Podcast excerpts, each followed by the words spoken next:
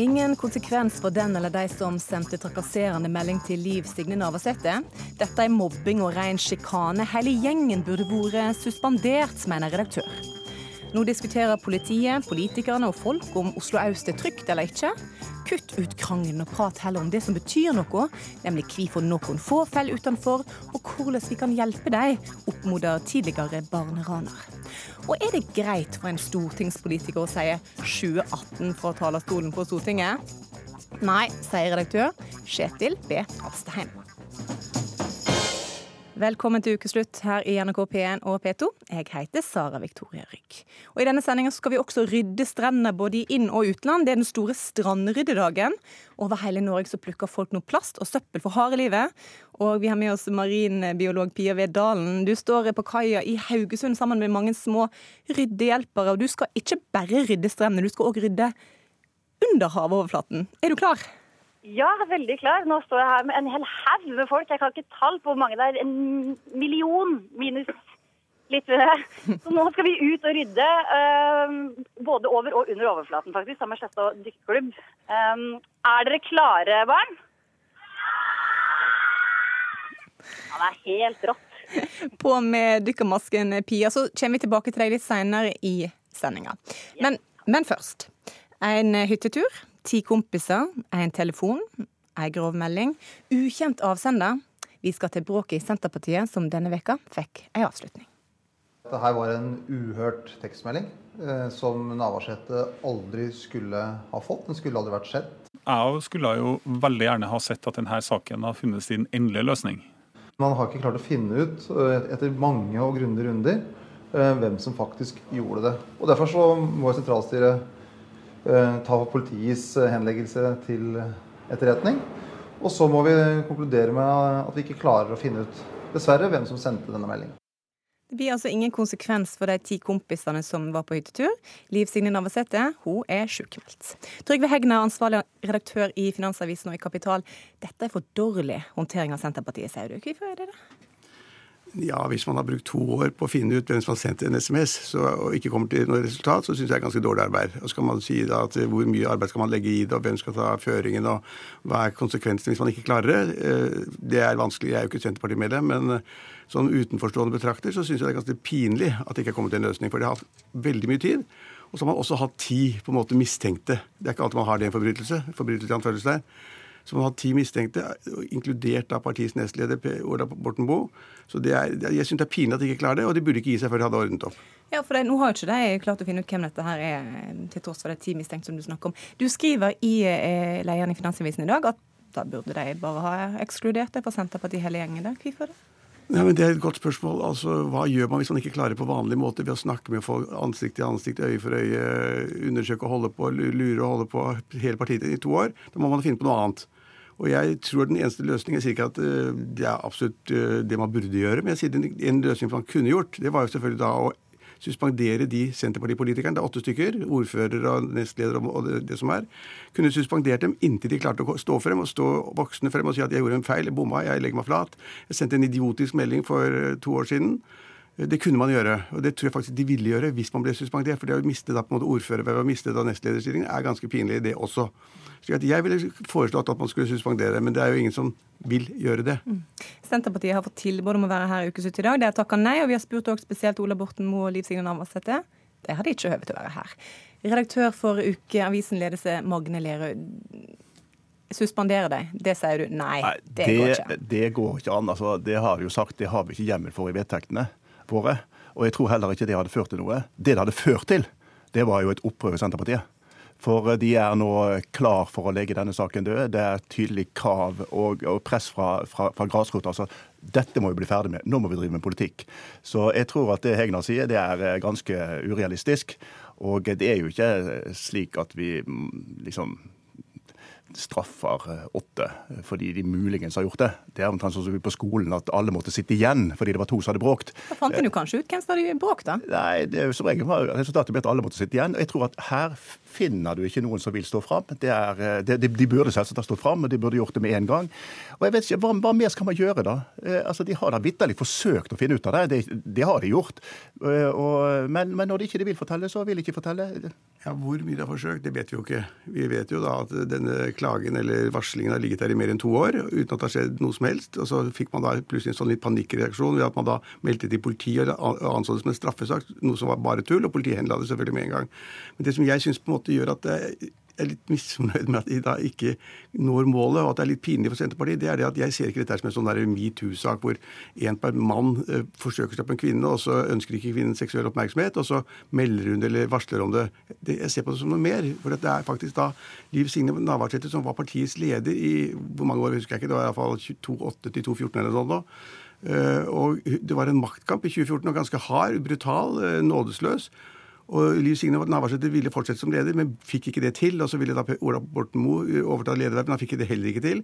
Og så kom da Trygve Slagsvold Medum inn og ble partileder. Så jeg anser at den gjengen som var på den hytta, som da er sentrale Senterpartipolitikere, de har på en måte Det er sånn ikke bare sånn guttegreier om natta sende idiotmelding og, og en slibrig melding og uanstendig melding, men de skulle ta litt igjen på den der lederen som de klarte å ta knekken på i 2014, tror jeg. Jeg, ikke, jeg kan ikke si at det er sikkert. Jeg bare sier at det, ligger, det, det er noe mer enn metoo. Og da syns jeg man skulle legge noe mer i arbeidet med å oppklare også. Ja, det, Jeg er enig i at det er noe mer enn metoo. Men selv om uh, Navarsete har jo på en måte kjørt uh, dette som en sånn metoo-sak, men, men, det blir jo spekulasjoner å si at disse her nå liksom satt sammen og sa du skal vi gjøre et eller annet pek mot Navarsete, nå vil du sende en melding. Vi absolutt ikke noe grunnlag for det.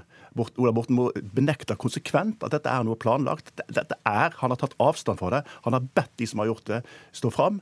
Altså, da må vi på en måte forholde oss til det. Men maktkampen er selvsagt interessant. Men jeg tror ikke dette er det som har drevet denne saken. For denne maktkampen var jo da over. Det, det, er to år siden hun da gikk av. Hun var ingen trussel for de, de, de som, den, den trøndermafiaen som de kaller som, som var på denne hytteturen. Altså, Liv, Liv, Liv Signe Navarsete har ikke lenger en posisjon som Borten Moe har. De trengte ikke å bekjempe henne i det hele tatt. Dette, så jeg tror dette her mest sannsynlig er en eller annen som har ønsket å gjøre noe som ja, OK, gi henne et lite spark. De kanskje syntes det var morsomt, de fant på det. Men, men, vi har ikke grunnlag for å gjøre dette til en sånn gedigen studie i maktforholdet i Senterpartiet. Men, men det er jo ikke OK om noen da ønsker å være litt ekle mot en, en, en kollega som jo Senterpartiet De er jo kollegaer i Senterpartiet. Hvordan skal de gå videre når ikke de vet hvem som har gjort dette? Skal alle gå og skule på hverandre og lure på hvem sendte den meldinga, og hvem får neste melding? Ja, det er jo det de må, det er det de må nødt til å gjøre. Det er det de gjøre. Ja, altså, det, er, det er jo mange skurker som ikke blir tatt. Altså, I politiet vet de hele tiden erfarer de at de, de, har kanskje en mistanke, men de får ikke bevis. Det er ingen som vil stå fram. Da må du legge saken til side. Jo, men begge dere er, jo ledere. Hvordan skal, en, hvordan skal en gå videre på en arbeidsplass når situasjonen er sånn som den er nå i Senterpartiet? Dette er nok ikke sånn, sånn sett en arbeidsplass, men de, de, de går videre nå. De, er i ferd med å komme seg videre. Eh, sentralstyret har trukket en konklusjon, og den ser ut til å bli akseptert. Nå kan de begynne å snakke politikk igjen. Jeg synes det er ganske viktig at Liv Signe Navarsete er meget misfornøyd, sier at hele saksbehandlingen er elendig, og det er meget misfornøyd med utfallet. Så er det en ting vi ikke må glemme her, som er på en måte oversett litt. Det at Vi vet jo ikke hvem som har gjort det i den gruppen. Vi vet ikke at det er én person heller, som dere er inne på. De fleste tror det. Det kan godt hende at de som gruppe, som idioter klokken halv ett om natta, sender en melding i fylla etter mye akevitt osv. Men det er, det er, noe mer, for de sier jo ikke 'jeg ønsker, har lyst på' Og så vil jeg ikke si det ordet engang, mm. på NRK. Uh, men det er vi. Vi ønsker å ha deg. Så det er på en måte, I utgangspunktet så sier du at det er flere enn én. Og det er jo rart at én som senere skulle si, skrive 'vi'. slik at Jeg kan godt tenke meg at det er en gruppe, og det vil jeg aldri innrømme. Og så er det også et veldig viktig poeng til slutt, og det er det at vi vet ikke om det er Ole Borten Moe som har sendt den. Han sier at han ikke har gjort det. Alle de andre sier at de ikke har gjort det. Så skal vi da gå videre med en sak hvor partiets nestleder er mistenkt for å da ha kommet med en sånn slibrig ja, melding? Det tror jeg kommer til å gå aldeles utmerket. Jeg tror at Senterpartiet vil være i stand til å legge denne saken rimelig bak seg. Liv Simen Navarsete har, har, også overreagert i den saken ved at hun kritisert politiet for at de ikke har, har, har grepet inn. Eh, eh, og, og, hun har hatt en, en, en rekke uttalelser som har vært litt uheldige. Men hun må også nå forsone seg med at nå eh, må vi gå videre. Kanskje vi får vite noe mer om noen år, eller om noen måneder. Da får vi ta det da. Så Lea, du mener det, nå kan jeg bare gå videre. Hegna, hva ville du gjort som øverste leder dersom ti av dine ansatte sendte en slibrig melding til en ansatt. Jeg mener i forlaget, eller mm. ikke hadde vært i Senterpartiet. Mm. Nei, Nei, jeg ville jo slå ganske hardt ned på det.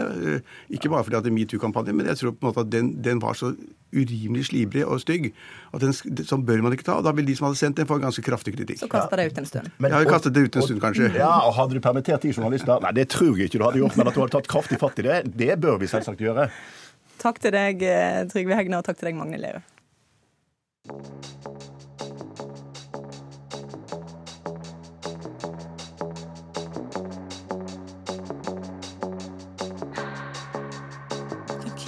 inside myself. Think of dust and.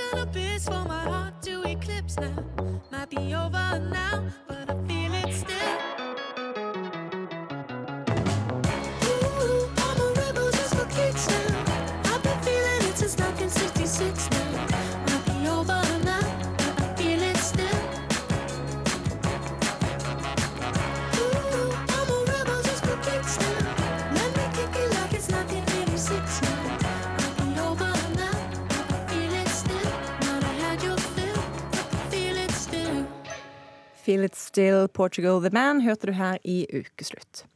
Etter skyteepisoden på Vestli i Oslo øst eh, forrige lørdag, så ble det travelt både for politikerne og for politiet.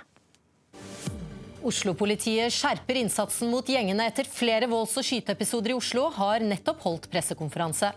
Det er eh, såpass eh, krevende nå ressursmessig at vi velger å ansette 30 årsverk. Det er først og fremst at det er, altså det er flere ungdom som blir registrert eh, som gjengangere på kriminalitet. Eh, Og det, det er jo en eh, feil vei i forhold til en periode hvor vi har hatt færre som er blitt det. Mens statsministeren besøkte politistasjonen på Stovner, dro Frp på busstur i Groruddalen natt til 1. mai. Det er ikke sånn at vi er på en safaritur. Det er jo, det er jo helt meningsløst. Vi, vi snakket med mennesker som kom ut på T-banen. Vi snakket med dem. Vi, så, vi snakket med tre narkodealere som var der eh, på Stovner. Er vi klare, gutta? Ja. Og Groruddalens egen sønn, Aps Jan Bøhler, lagde en egen gangsterrap. Hallo du, hører gangsterrapp Er sinna og vill og gå med cap Hva skjer av du må hevne deg Men hvis du sverger til ære går det bare én vei Og til tross for eh, Jan Bøhler sin rapp, så er det altså blitt mer kriminalitet blant ungdom i Oslo de siste to åra, spesielt øst i Oslo. Politiet sa denne veka at de egentlig ikke veit hva som skjedde. Bare siden februar har det ifølge Politiforum vært ni skyteepisoder i Oslo, flere knytta til gjengmiljø. Og I forrige uke så var det altså skyting utenfor en pizzarestaurant på Vestli. Men medan folk nå krangler om det er trygt eller ikke i Oslo øst, eh, politikerne debatterer om det var rett å dra på busstur til østkanten eller ikke, og politiet lurer på hva som har skjedd i gjengmiljøet, så er det de som mener at vi må ha mer fokus på hvorfor dette skjer. Hvorfor er det noen få som faller utenfor og gjør dumme ting, og hva kan vi gjøre for å hjelpe dem? Nahom Daniel, du er leder av en ungdomsklubb på Haugenstua som åpner i dag. Du er lærling som er barne- og ungdomsarbeider.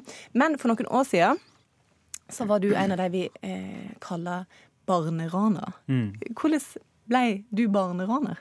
Jo, eh, jeg vil jo si at eh, jeg tror at vi alle mennesker lager virkeligheter for oss selv. da. Eh, Og da jeg var 15-16 år, så var min virkelighet et, du kan tenke deg et fellesskap på 20 stykker, hvor du tenker at det her er mine brødre.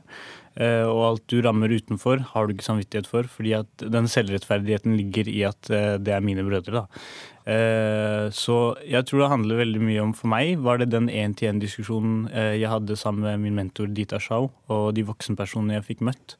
At de fikk løfta den lille virkeligheten min til noe annet. da.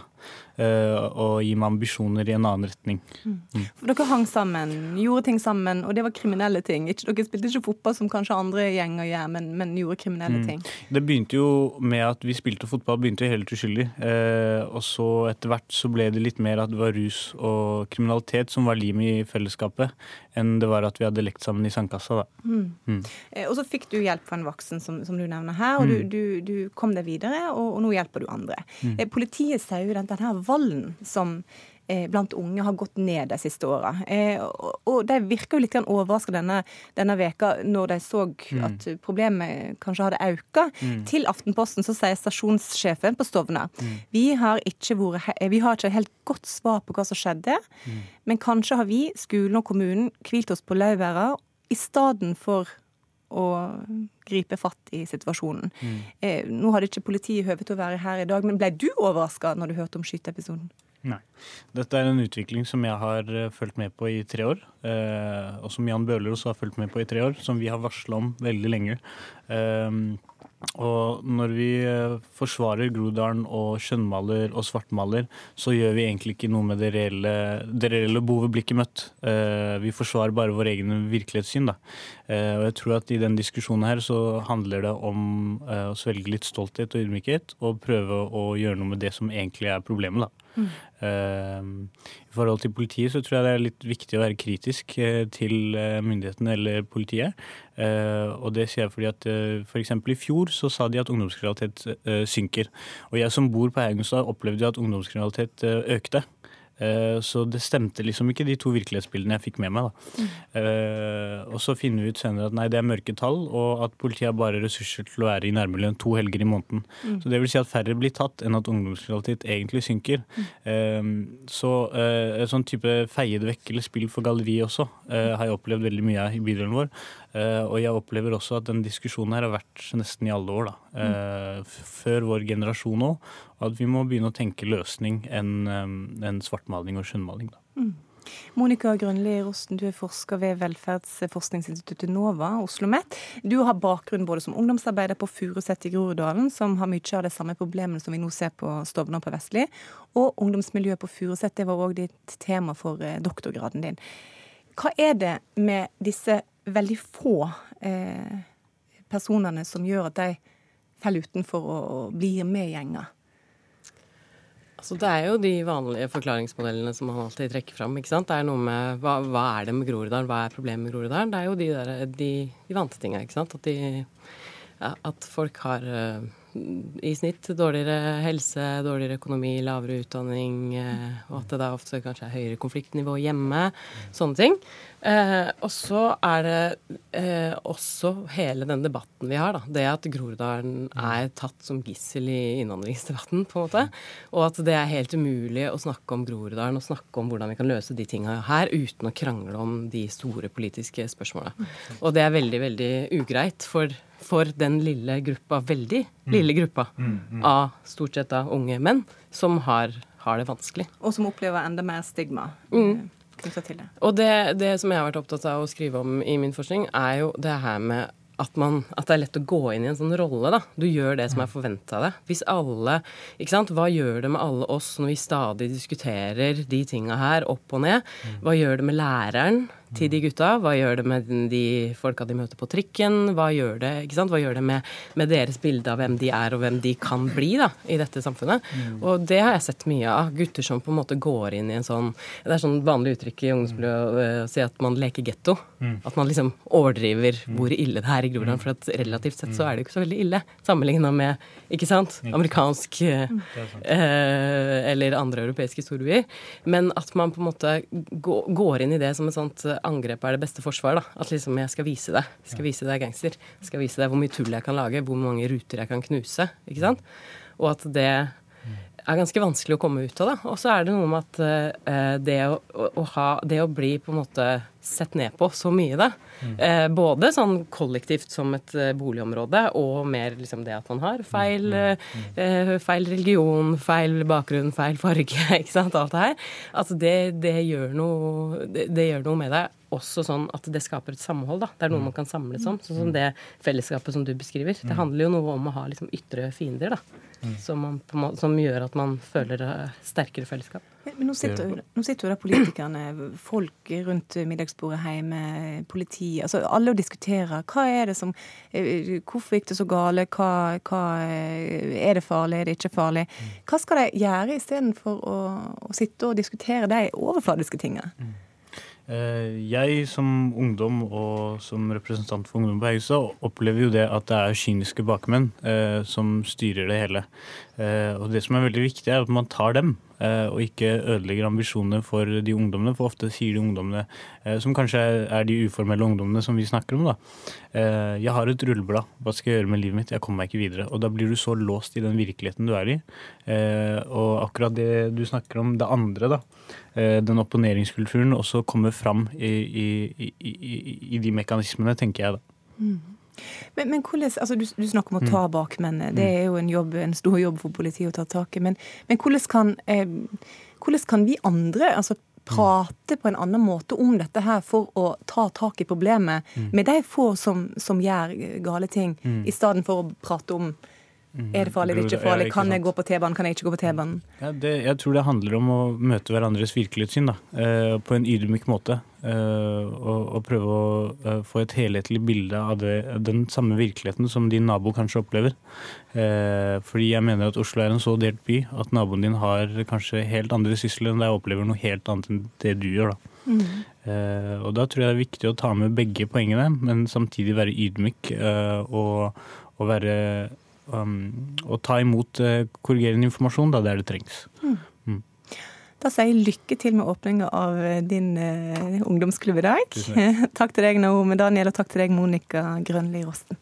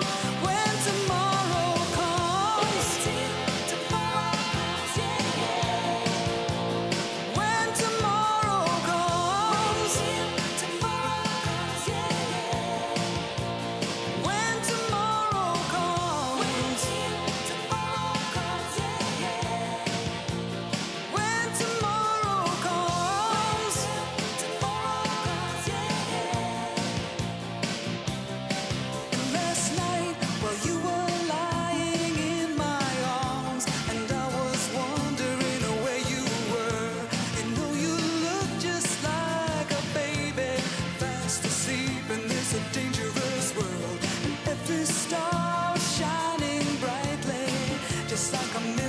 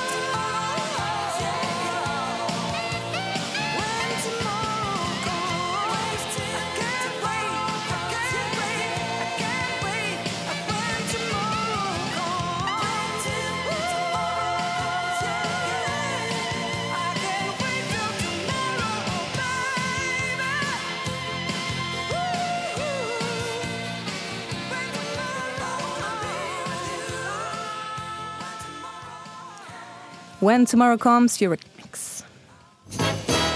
Du hører på NRK Ukeslutt her i P1 og P2, og hold fram med det og hør at på skolene til Frikirka ble barna truga med evig fortapelse om de ikke lærte Bibelen utenat. Thomas Rachlew var elev og husker godt hvordan det var. Eh, Så det var ikke noe, var ikke noe pusterom. Det var ikke sånn at eh, en dag så hadde vi fri. Dette var hver eneste dag. Og la hundebæsjen ligge av og til. Posen den ødelegger for naturen, oppmoder Miljøpartiet De Grønne. Æsj, bæsj, svarer Frp.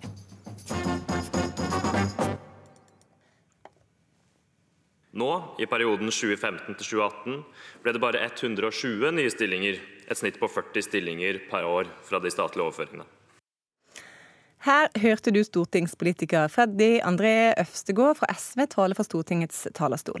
Etter at politisk redaktør i Dagens Næringsliv Kjetil B. Alstaheim hørte dette, så satte han seg rett ned og skrev en kommentar i avisa si. Hvorfor gjorde du det, Alstaheim? Jeg skriver fra spørretimen hver uke, egentlig fra spontanspørretimen. Det er eh, et av de møtestedene som er mellom opposisjon og posisjon. Eh, Så bruker det en eh, satirisk sjanger som vi har importert fra britisk presse, og skriver om smått og stort, egentlig. Denne gangen skriver skrev jeg om språket. Det, det gjør jeg ganske ofte. Jeg skriver ofte om hvordan politikere ordlegger seg, hva slags retorikk de bruker, ordene de velger og sånn, fordi språket er et av de viktigste verktøyene politikere har for å nå ut.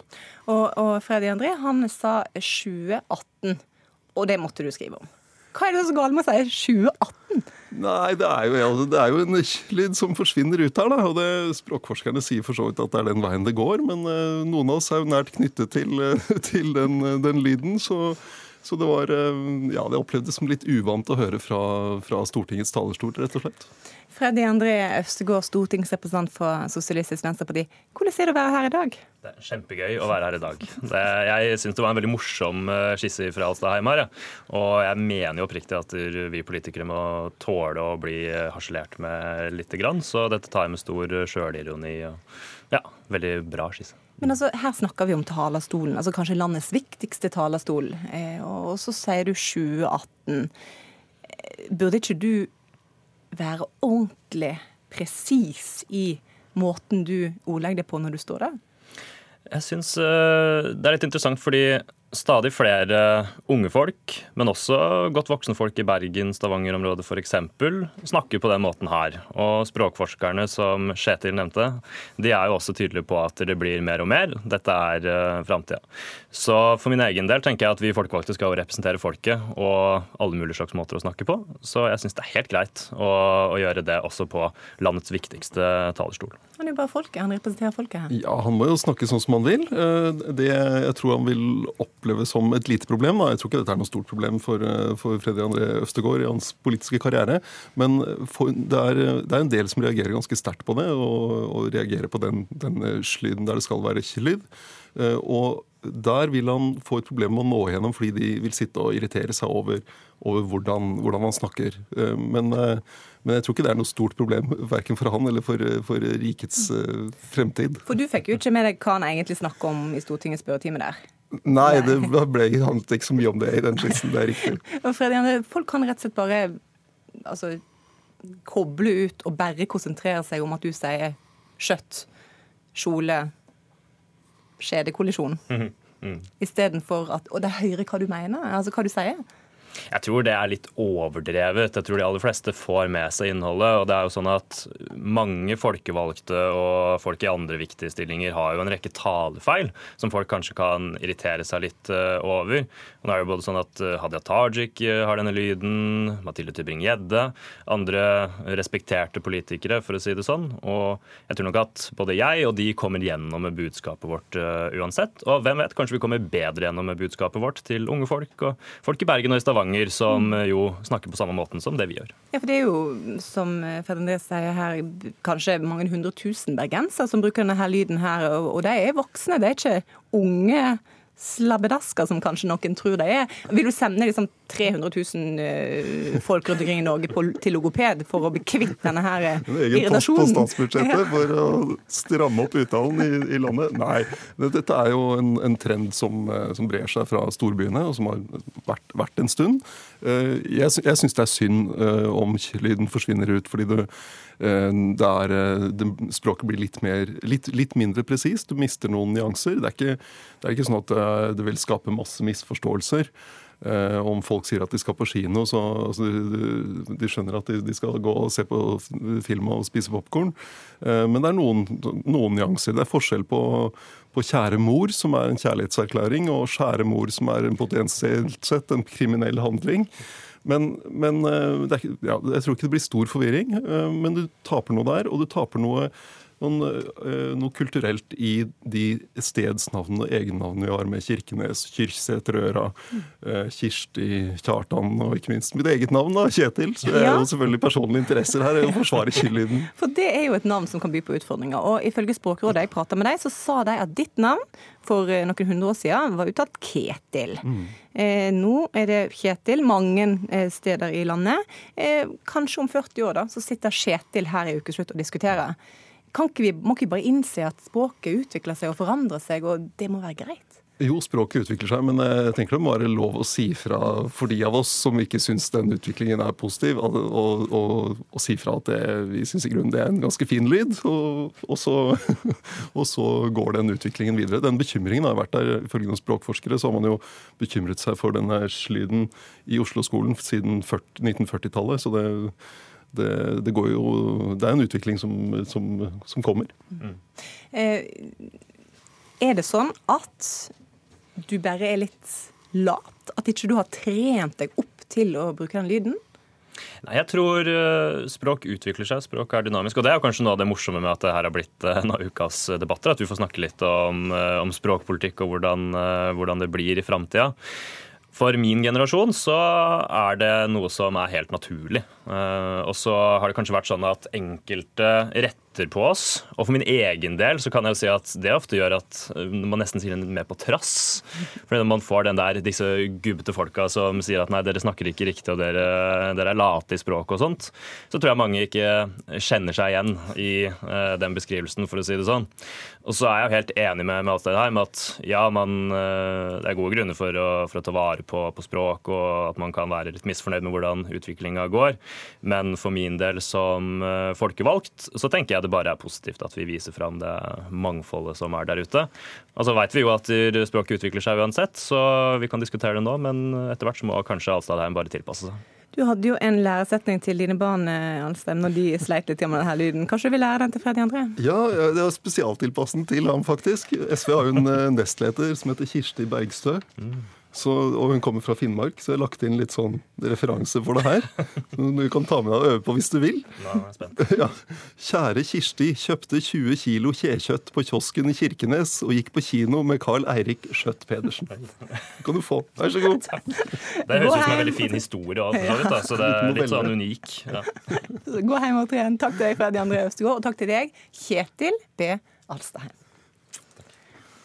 Den eh, evangelistiske lutherske kirkesamfunnet sender i disse dager ut en årsaking til 2300 tidligere elever. Fra 1955 helt fram til 1990 ble barn i sjuårsalderen truga med fortaping dersom de ikke kunne bibellære på rams.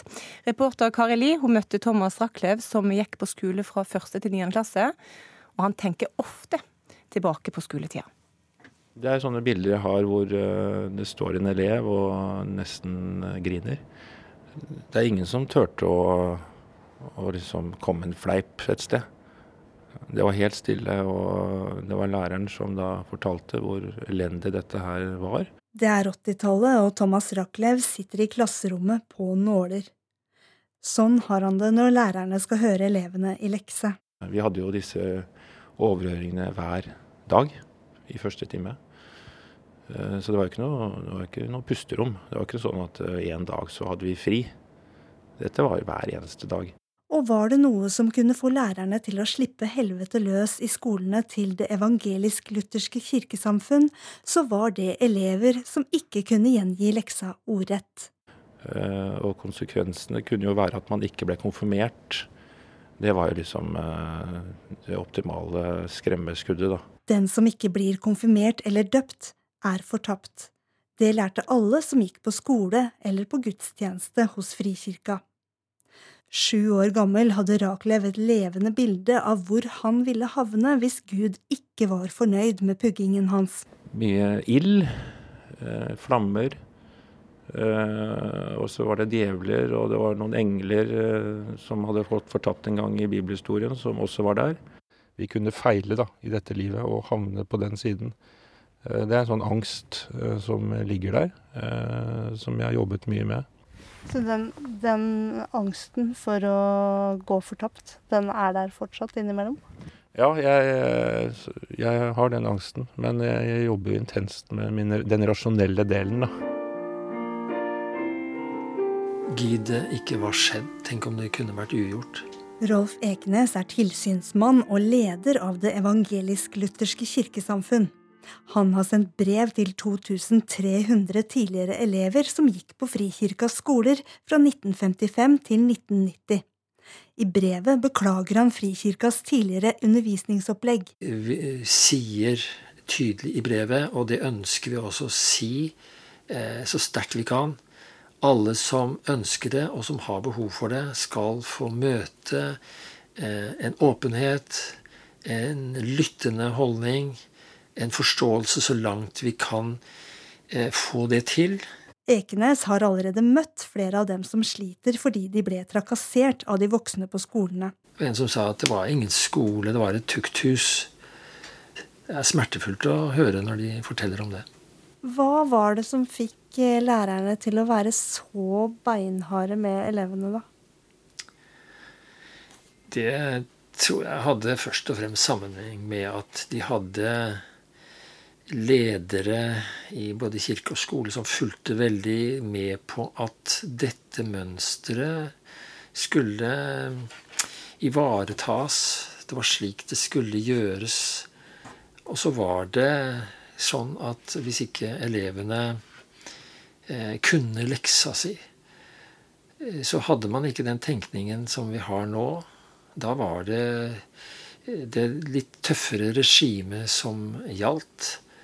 Eh, og hvis man var streng nok, så kan det hende de kunne lære det bedre til neste gang. Sånn var nok tenkningen hos mange. Og dette var mønsteret som rådde. Og eh, få av lærerne var eh, sterke nok til å opponere mot det. Jeg tror nok det er den viktigste forklaringen. Den typen påvirkning av barn handler jo ikke om ondskap, men om redsel, og om å ville gi barn det som en tross alt tror at er det aller beste for dem. Kari Halstensen er psykolog på Modum og tar for tida doktorgrad på menneskers forhold til Gud. Hun mener barn er mer sårbare enn voksne i møte med streng religiøs lære. Det er da du lett kommer inn i den situasjonen der barnet mister kontakten med at eh, Gud vil mennesket vel. Selv om det kanskje er en, et viktig dogme i menigheten, så, eh, så kan det gå tapt i barnets eh, angstfullte, fryktprega forestillingsverden. Sånn at de forestiller seg at Gud vil dem vondt, da, eller? Ja, for noen tror jeg det har vært sånn. En del av de fortellingene jeg har tatt imot fra voksne, er jo prega av det. At eh, de eh, føler seg utlevert til krav som de ikke klarer å oppfylle, eh, og til en gud som er misfornøyd og sint.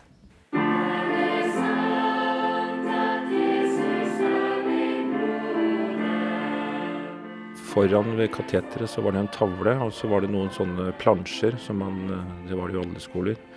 Og vi hadde jo ikke f.eks. kloden. Den var jo tatt bort. Så det var det der ute som var, kunne være truende og kunne føre til fristelser. Og det var hele poenget her, da.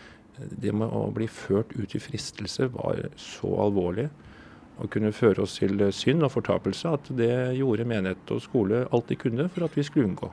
Thomas Raklev forlot Det evangelisk-lutherske kirkesamfunn og valgte å bli prest i Den norske kirke. Eh, Etter hvert som årene har gått, så har jeg tvilt mer og mer. Men den lille troen jeg har, da, den er sterkere. Altså, før så var jeg kanskje en uh, svak tro og en del tvil, men nå er jeg kanskje en liten tro. Men den, den, er, den, eh, den holder for meg, da. Hvis du nå da, som voksen mann og prest skulle tatt en spektralstein og dratt tilbake og snakka med deg selv da du var liten, Hva ville du fortalt deg selv da? Ja, det ble litt sånn rørt her. Det var et eh, Nei, jeg ville vel gått bort til han eh, til Thomas, da, eh, lille gutten, og sagt at du eh, Du må kose deg. Du må få lov å spille fotball og leve livet og, og, og finne ut av ting som kameratene dine i gata, da. Det, det har, du, har du lov til. Det vil Gud at du skal gjøre.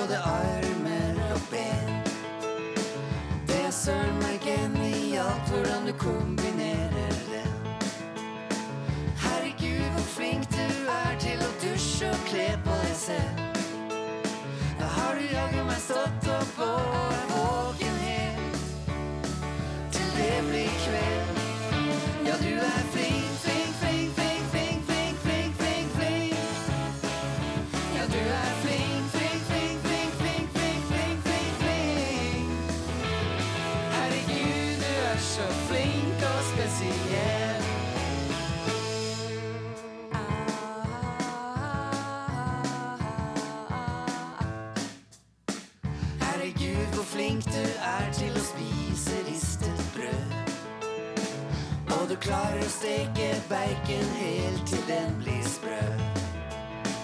Herregud, hvor flink du er til å si hei og ha det til folk. Da har du faen meg rukket å spørre om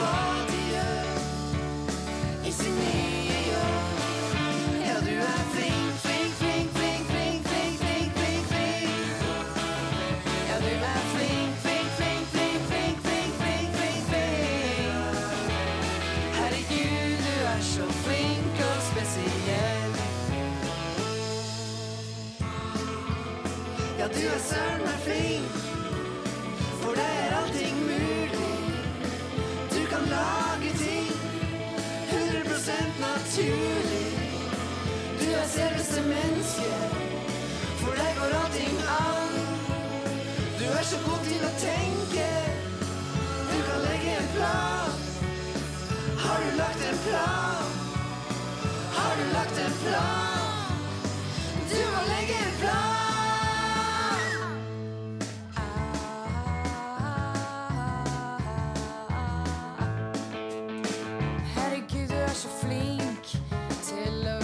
og ikke tid. Ja, du kan sette i en kontakt, du kan trykke på en knapp og masse dyrt utstyr. Fy faen, flink du er Tross alt og likevel.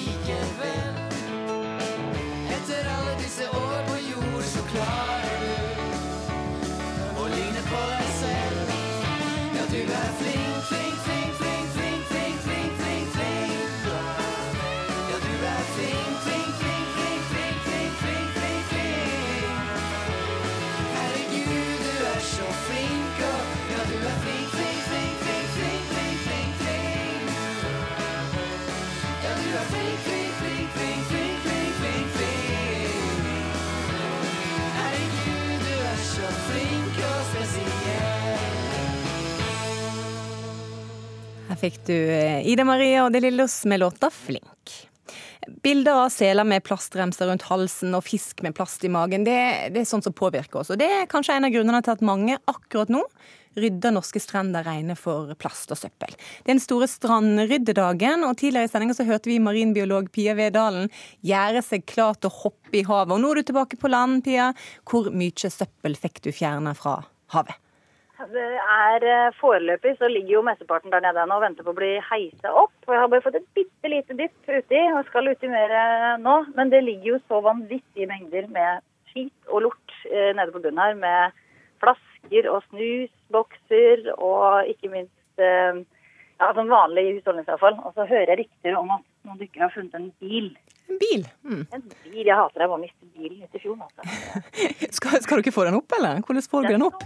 Det er en, altså Kystverket har stilt opp i dag og har en diger kran. og Skjærgårdstjenesten er her med sin kran, så det blir heva seinere i dag. Så Den skal vel opp om en times tid, tenker jeg. Dere har mye jobb foran dere. Du, du har jo plukka søppel mang mange en gang. Hva er det rareste du har henta opp fra, fra havet? Jeg personlig fant et helt bad en gang. altså Alt av rør og vasker og sånn. Men uh, en kamerat av meg fant en gedigen dildo i, eh, kaia i Florø nå på onsdag. Så det ligger ganske mye rart ute. Man kan jo lure på om det her er noen man har mista, eller om den har blitt kastet i affeksjon, eller er det engangsplast? Hvem vet? Du, du er marinbiolog, og du er ekstra glad i havet vårt. Hvis du skal trekke fram det vakreste du vet under havoverflaten, hva, hva skulle det være? Åh, det må være tareskogen. Vi har jo dekka nesten hele kysten vår med fantastisk tareskog. Eh, og tareskogen på verdensbasis står for rundt en fjerdedel av alt oksygenet vi puster opp. Ikke bare er den funksjonell, men den er også barnehage og oppvekstområde for veldig mye spennende liv. Og det å ligge nede i tareskogen og se på alle de fargerike nakensneglene og den glitrende algene som bor nede der, og ja, stirre på rur og krabber og sånn, det er tror jeg noe av det flotteste som finnes. Da håper jeg du har berga en nakensnegl i dag etter søppelplukkinga di, Pia. Vi skal videre til Kvalsøya i Troms og til Peter Johannes Eikemo Olsen. Du driver akkurat nå med ryddeyoga. Hva i alle dager er ryddeyoga? Yes, hører du meg? Jeg hører deg, ja. Hva er Yes. ryddeyoga? Ryddeyoga det er en metode å plukke opp langt og lenger og lenger langt med. Så man kan begynne som litt støl, og så hvis man gjør ryddeyoga godt, så blir man mykere og mykere og mykere. Så Og du- sterkere. Du beveger deg, hører jeg nå, i sakte bevegelser mot søppel og plukker det opp, da? Ja, vi begynner sakte, bare for oppvarminga seg sjøl. Og jo varmere man blir, jo fortere går det. Ja. Men eh, altså, mange tenker at yoga er litt sånn stille, rolig, eh, kanskje sitte på en matte. Hvor, hvor effektivt er det når man skal rydde? Ja, det er en tai chi-yoga. Så vi går og går og går, og når vi kommer til søppel, så bare strekker vi oss ned. Så får vi en ekstra strekk i lår og rygg. Og den gjør jobben lettere overall. Så, og alle monner drar, så om dere får plukka litt, så er det bra. Hvorfor er det viktig å drive med ryddeyoga? Nei, da får man kombinert flere ting i én snekk. Og så er det artigere å rydde, og så får man bedre hva det heter for noe, utholdenhet til å gå lenger. Blir det rent og pent rundt deg. Lykke til videre med ryddeyoga. Og nå skal vi utenlands, til Cornwall i Storbritannia. Og vi skal til deg, Kari Prestgaard. Du er plastkunstner fra Sandefjord. Du er halvparten av kunstnerduoen Prestgaard og Andersen. Du har dratt til Cornwall for å plukke søppel der og ta med hjem igjen til Norge. Hva er forskjellen på søppel eh, der du er nå og her hjemme? Ja, vi er veldig rare turister da, som tar med oss søppel istedenfor uh, suvenirer. Um, søpla her har jo vært eh, ute i Atlanterhavet og kommet inn og er veldig myk i kantene og litt sånn har en egen patina som er kanskje litt annerledes enn søpla i Norge. Så vi tar med den hjem for å bruke i kunstprosjekter, bl.a. med Kulturelle skolesekken. Og formidling er jo vårt eh, ja, skal jeg si, vårt største bidrag. Um, så vi lager jo kunst for å lære barna om eh, plast i havet, og at vi må kanskje se på dette som en ressurs, eller tenke på hvordan vi kan ja, gjøre noe med det her. Og ved å gjøre det til noe vakkert, så setter vi i gang noen tanker og noen kontraster som vi syns er interessante. Da. Så på en måte så setter du pris på søpla du finner i naturen. eh, Men i dag så handler det jo om å fjerne søppelet fra naturen. Hva vil du si til folk som vurderer å kaste fra seg noe som du kan lage kunst av? Gi det til meg, så gjør du jobben litt lettere. Nei da. Men eh, vi må absolutt se på eh, verdien av det. Eh, altså Her i Cornwall f.eks. Så, så sliter de mye med plast fra bøndene. For det er jo eh, oppe på, på, eh, på klippene så er det eh, sauer, f.eks. Eh, og de har sånne små strikk som de setter på eh, halen til sauen. Eh, Litt brutalt, men da skal den halen liksom råtne og ramle av. Og da følger strikket med, og så går det over klippekanten og ned i havet. Eh, og så sliter de mye med sånne containers, altså sånne svære containere som ramler av skip som er på vei forbi. Og plutselig så renner det inn tusenvis av bitte små plastbiter og leker og rare ting som, som har vært i en eller annen container. altså Så de får det, får det fra alle kanter. Men, men først og fremst, ikke kast, folk, eh, ikke kast ting i naturen, folkens. Send det heller direkte til Kari. Takk til deg, Kari, og takk til Takk, takk. Peter, og til Pia, og alle andre som rydder rundt omkring i naturen i dag. Og så er det jo sånn nå at medan folk nå rydder strender rundt omkring, plast og annen dritt skal fjernes, så er det noen som sier at det ikke alltid er nødvendig å plukke opp hundebæsjen. Denne veka sa en politiker fra Miljøpartiet De Grønne at hundeeiere kan la skitten ligge om Fido gjør for seg langt ute i skogen eller oppå fjellet. Årsaken er jo at hundeposene forurenser. Ståle Sørensen, du representerer eh, Miljøpartiet De Grønne. Velkommen til oss. Og du har med deg Trygve. Han er 13 år gammel. Han er en kosete mellomschnauzer. Grå og hyggelig. Han har stilt seg ved siden av meg nå, og vi koser. Hvorfor plukker ikke du alltid opp etter Trygve når dere er ute på tur? Eh, Vi, jeg gjør som alle andre hundeeiere. Eh, Jeg bruker hodet, eller de fleste hundeeiere. Jeg plukker opp der det er mennesker, eh, der dette er til sjenanse. Og så lar jeg det ligge i utmarka, eller hvis han gjør fra seg steder som man ikke vanligvis Hvor man ikke vanligvis er. Og da tenker jeg det er vel egentlig det som er sunn fornuft. Det er common sense, og det er det, det de aller fleste hundeeiere følger.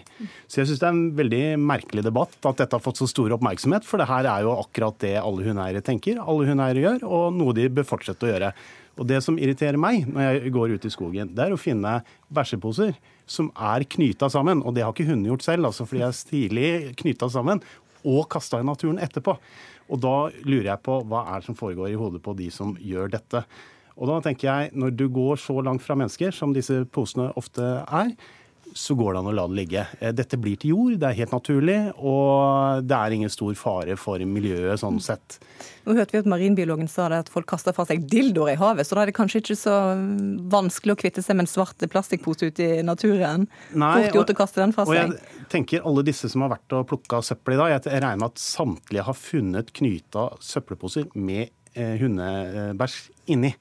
Eh, Rundt omkring i naturen. Og, og det mener jeg er jo helt eh, meningsløst. Gisle Menninger Staudland, du er stortingsrepresentant for Frp, og du trodde det var en spøk når du hørte at han sa her 'la bæsjen ligge'. Hvorfor det? Nei, når, eh, når jeg ble oppringt og lurte på, hvor eh, journalisten lurte på hva jeg mente om saken, så trodde jeg først det var en spøk. Em, For meg hørtes det helt absurd ut at man skal la være å plukke opp etter hunden sin når man eh, går eh, tur. Nå hører jeg jo at eh, at eh, Sørensen modererer det veldig med å si at eh, det er snakk om eh, steder hvor folk ikke ferdes likevel. Og det er jo, det er jo helt greit. Um, Er man i jungelen eller på vidda eller på elgjakt eller et annet sted ikke ferdes mennesker, så tar man så klart ikke å plukke opp i en pose og kaste posen etterpå i naturen. Uh, Da burde man jo nesten stille spørsmål om man burde ha hund i det hele tatt. Men Nå er det jo sånn at rundt, ja, rundt omkring i, i skog og natur, og ja, til og med parker, så er det jo bæsj fra altså, dyr som ferdes eh, altså elg, Ikke elg i park, men eh, du finner jo dyreekskrementer i, i, i naturen. Hvorfor skal Trygve da måtte plukke opp etter seg eh, når andre dyr ikke gjør det? Er det så eh, ekkelt? Nei, det, det mener jeg ikke. Nå var jeg hjemme i går, gikk tur i skogen med mine barn. Der var, der var det Der var det uh, elgbæsj Altså og det er jo på en måte ikke noe problem. Men eh, hele poenget med forslaget må jo være at man lar være å plukke opp der man i dag plukker opp. Hvis ikke så er jo på en måte dette en ikke-sak. Hvis det er sånn at man, skal, at man sier at man skal plukke opp eh, At man ikke skal plukke opp der ingen allerede i dag plukker opp. Her tenker jeg at vanlig sunn fornuft gjør, eh, gjør ganske mye. Og så må vi jo heller ta i bruk eh, nedbrytbare poser osv. Fordi at dette, skal ha en, at dette skal være et miljø- eller et klimaproblem, det har jeg ingen tro på. Har vi rett og slett funnet en sak der Miljøpartiet De Grønne og Frp er enige? Det er jo veldig merkelig, da, for det er jo ikke jeg som modererer meg. Jeg har jo sagt det samme absolutt hele tiden, fra første sekund. Og det er derfor jeg blir så veldig overraska over at dette blir en stor sak. Det er jo Fremskrittspartiet som modererer seg her. For de uttalte jo ganske tydelig, og det kan folk gå inn på nrk.no og lese selv, at eh, jo, poser de skal plukkes opp uansett. Og det sa også miljøvernministeren. Så det er Frp som eh, ikke er helt ærlig med det de har sagt eh, tidligere. Men jeg tenker, også restavfall er et problem. Det finnes 500 000 hunder i Norge. Eh, hvis all eh, avføring fra disse skal plukkes opp, så er det da minst eh, to eh, poser hver eneste dag. Eh, Det blir én million poser. Og hva skjer med restavfallet når vi hiver det i restavfallet? Det sendes til Sverige, og det brennes opp. Og det, vi bruker veldig mye store ressurser på det. Vi kan, hvis vi kan unngå å bruke en pose, Hvis vi kan unngå å skape restavfall, så er det positivt. Og jeg tenker Denne, denne debatten er jo liksom, litt sånn komisk, for vi tar utgangspunkt i noe som folk ser på som et lite problem. Men alle disse tingene til sammen blir et veldig stort problem. Men nettopp, Sørensen. Altså, nå, nå sier du at man bruker én million poser. Det betyr jo at du må jo adressere problem, altså, Da adresserer du jo problemet med at folk bruker pose, at folk bruker poser der det, der, det ferdes, altså der det ferdes folk. Fordi de én million posene kommer jo umulig der hvor det ikke er mennesker. Så hele poenget her må jo være det. Men noe av det som er, er jo at dette Ehm, går jo inn i rekken av litt sånn halvabsurde MDG-forslag, hvor man skal ha ballongforbud og forbud mot engangsgriller, kjøttfrie dager og deleordning for lastesykler og bilfrie kjøpesentre. Det er sikkert der, de, eh, det, det, er sikkert der deleordningen for lastesykler kommer inn. Poenget er at man må på en måte ha en litt sånn normal tilnærming til det, hvor jeg tenker at man kan bruke litt grann sunn fornuft. Ja, og Det er akkurat det du ikke gjorde når du svarte NRK i første hånd. Du brukte ikke sunn fornuft. Du sa at her skulle alle poser plukkes opp. Og jeg sier ikke at alle poser, alt eh, avførings skal ligge. Jeg sier man plukker opp der det er viktig å plukke opp, og så plukker man ikke opp der det ikke er eh, viktig.